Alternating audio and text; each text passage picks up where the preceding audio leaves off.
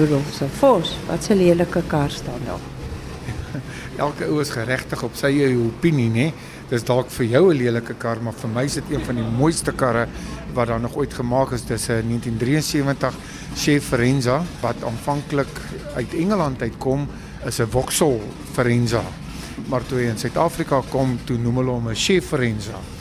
En hy het aanvanklik uitgekom in 'n 1300, 'n 1900 en 'n 2.5 liter. En toe het hulle die klomp Suid-Afrikaners hierso te same met Basil van Rooyen wat die brainchild was van hierdie chef kenne. Hulle besluit om hom 'n V8 in te sit in 72 toe die eerste kar gebou was. Hy was voorberei vir die 9 uur wedren op Kyalami in 1972. Nou daai spesifieke motor was gebou deur Jeff Mortimer en die kar was die 4de of 5de November, ek is seker nie, was hy gery gewees deur Basil van Rooyen en Jeff Mortimer. 1973 het produksie begin. Maar om terug te kom voor ons verder praat, um, om jou opinie verkeerd te bewys, miskien klink hy beter as wat hy lyk. So uh, as jy net vir my kan vashou. En die kar se naam is jy's as die deur oopgaan dan klink dit asof hy breek. The Little Chef.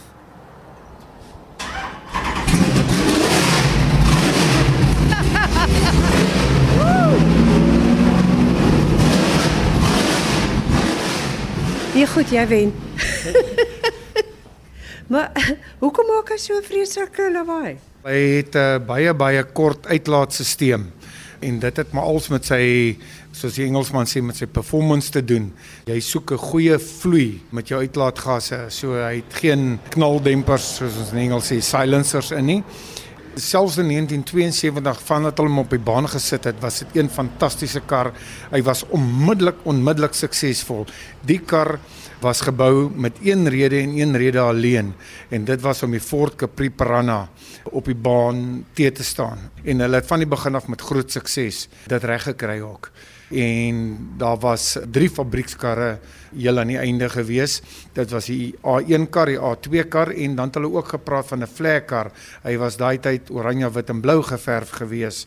Maar ongelukkig in 1974 het die die wêreldkrisis gekom met brandstof en dit het alles tot 'n halt geroep. Maar daar moes 100 voertuie gebou gewees het om hom gehomologeer te kry om aan die Suid-Afrikaanse produksie renne deel te neem en hulle het 100 toe gebou. Sover ons weet was daar 106 karre gebou gewees, 100 padmodelle en die res was resies modelle waarvan daar ook rally karre was. Waar is dit gebou? Weet jy of jy dit wil glo of nie? Alles was in Port Elizabeth en Kempton Road gebou by GM Suid-Afrika deur ons eie mense. Die prototipe was gebou gewees deur Basil van Rooyen en sy span waarvan Henny van der Linde die groot renjaer en uh, sy seun Sean en Etienne en uh Sean se kinders uh, wat laas jaar die DTM Championship in Europa gewen het. So uh, op daai stadium het Henny van der Linde vir Basil van Rooyen gewerk en die eerste prototipe kar was gebou gewees en hy was teruggestuur Port Elizabeth toe na GM toe by ekskuus dat ek kort kort oorslaan Engels na product development toe gewees waar GM ingenieurs moes hulle die ding gehou kyk het en die hele kar is in 'n rekordtyd deur GM se ingenieurs gefine tune as ek dit mag so sê. En hulle het binne 'n paar weke ek dink die eerste een het Maart April het die eerste Can-Am hy was vir 'n bedrag van R5800 verkoop. Vir my is die kar nie mooi nie, maar hy het 'n baie goeie bril. Vir hoeveel sal hierdie kar nou verkoop? Die, die Little Chevy. Ja, ek sê weet, dis jou opinie oor hierdie resieskar wat hy is. Maar as ek jou die regte weergawe wys wat 5 tree van ons af staan, miskien sal jy dan 'n ander dingetjie sin en as jy kan dink dat daai karretjie vandag enigiets tussen 1.2 en 1.5 miljoen rand werd is. Ja, met hierdie ene ry ek resies. So hy is so gemodifiseer soos kan kom. Hy het 'n 383 kubieke duim small block Chevy in met 'n 4-spoed radkas. Die kategorie waarin ons deelneem is die historic racing. Die kar, soos jy hom hierso sien, dit is presies hoe hy gelyk het in 1972, 73, 74 en ons is baie baie dankbaar en gelukkig sover. My vrou Silvia het nou die dag gekyk van die 26 wedrenne wat ons gery het. Ons praat van 'n heat. Elke reis naweek het 2 heats of 3 heats. Nou van die 27 heats wat ons gery het, het ons 25 gewen.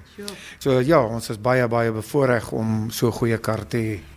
Hoeveel van die Ferenzas, die Ferenza Can-Am V8 dink ek, hoeveel van hulle is nog oor in die land? of in die wêreld. Daar's baie Chevrolet's nog oor en baie karre wat soos 'n Chevrolet Can-Am lyk. Maar daar's 'n paar goeters wat 'n ou na moet kyk. Onder andere 'n regte Chef Can-Am het drie plekke waar sy winnommer gestamp is.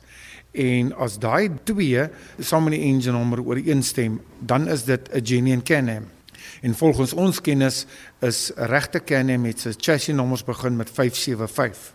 Ek dink dis wonderlik wat die Suid-Afrikaners gedoen het om hierdie kom ons noem dit modifikasie te gedoen het want om in so 'n klein bakwerk met so 'n klein engine compartment 'n V8 in te gekry het was amazing. Selfs as jy voor die kar staan wat ek graag vir jou wil wys. Hier staan 50 years. Can ja, ehm um, Ja, dit is die viering hierdie jaar is die 50 jarige viering want omdat dit in 1973 was hulle gebou gewees. So ek ken hom hierdie jaar is 50 jaar oud. Kyk hoe blikkie engine. Ja. Hoekom sit die engine so skeef? Dis hoekom ek dit vir jou wys. Laat die engine sit skeef want anders dan gaan jy hom nie inkry nie so die vernuf wat die mense gehad het om dit reg te kry. Hulle moes bietjie buite die kassie gedink het om dit reg te gekry het. En wat nog steeds amazing is, die karretjie is gemaak vir jou ouma in Londen brood en melk te gaan koop en toe kom ons boere in sit 'n V8 wat omtrent 'n uh, goeie 340 perdekrag gemaak het in so 'n klein bakwerkie. Kan hierdie kar nou ook start en alles en gaan sy net so lawaai maak soos die ander? Nee, hierdie karretjie is soos die Engelsman sê, the real McCoy. Dit is 'n standaard Can-Am matching engine nommers 575 556. Dit is sy engine nommer en ook sy chassis nommer. En nog in 'n absolute ongelooflike toestand. Kry mens baie van die nee, En hoekom nee. is dit 'n Can-Am? Toe voor die Piranha uitgebring het, het hulle die teenvoeder gebou wat die chef Ferenza Mamba was, maar toe het hulle dit later verander na die Chef Renza Can-Am. En Can-Am is die afkorting vir Canadian American. Nou hoekom dit by die boere uit? Al die engines en radkaste en goeters is van Detroit in Amerika af ingevoer. So dit is waar die Canadian American en die engine, die spesifieke engine, die 302 Chevy is ingebring omdat hy reeds gebruik was in die Trans Am series in Amerika. Hulle was slegs in Suid-Afrika gebou, nêrens anders nie. Wat kan jy haar start? Hierdie enetjie is ons besig om voor te berei vir die alle wiele skou in Dispatch die 21ste Oktober. Ek is besig om aan hom te werk, so hy kan nie nou start nie. Sy of hy? Wel, uh, ek weet nog nie of dit hy of sy is nie, maar hy sal reg wees teen die 21ste Oktober. So die mense wat daar kom kyk hoe lyk, maar dit's dis is sy, sy's pragtig. Gaan hulle dan 'n bietjie kan ry in haar? Definitief en dit gaan nie die enigste ene wees wat daar is nie. Ons beplan om 5 genuine Can-Ams daar te hê waarvan dit die enigste ene is wat matching nommers het. Met ander woorde, die oorspronklike engine, oorspronklike radkas, alles. Hoeveel oorspronklike Can-Ams is oor? Wat ons probeer tel het alles so ek verwys weer terug na matching nommers het ons gekom op 16 in die wêreld die pakket wat hierdie kar vir jou gebied het was ongelooflik jy kan vir jouself dink in 1972 73 'n kar wat 120 in eerste rad kan hardloop bring 'n kar van vandag en kyk of hy 120 in eerste kan ry dan dan besef jy dit was net it's something else. En natuurlik het die karre nie met radio's uitgekom nie want jy het nie 'n radio nodig nie. Daar's twee sulke ronde pype daar agter. Dis jou radio. Dit is alwaarna jy luister. En as jy omry en jy het nie 'n smile op jou gesig nie, jy nie hart.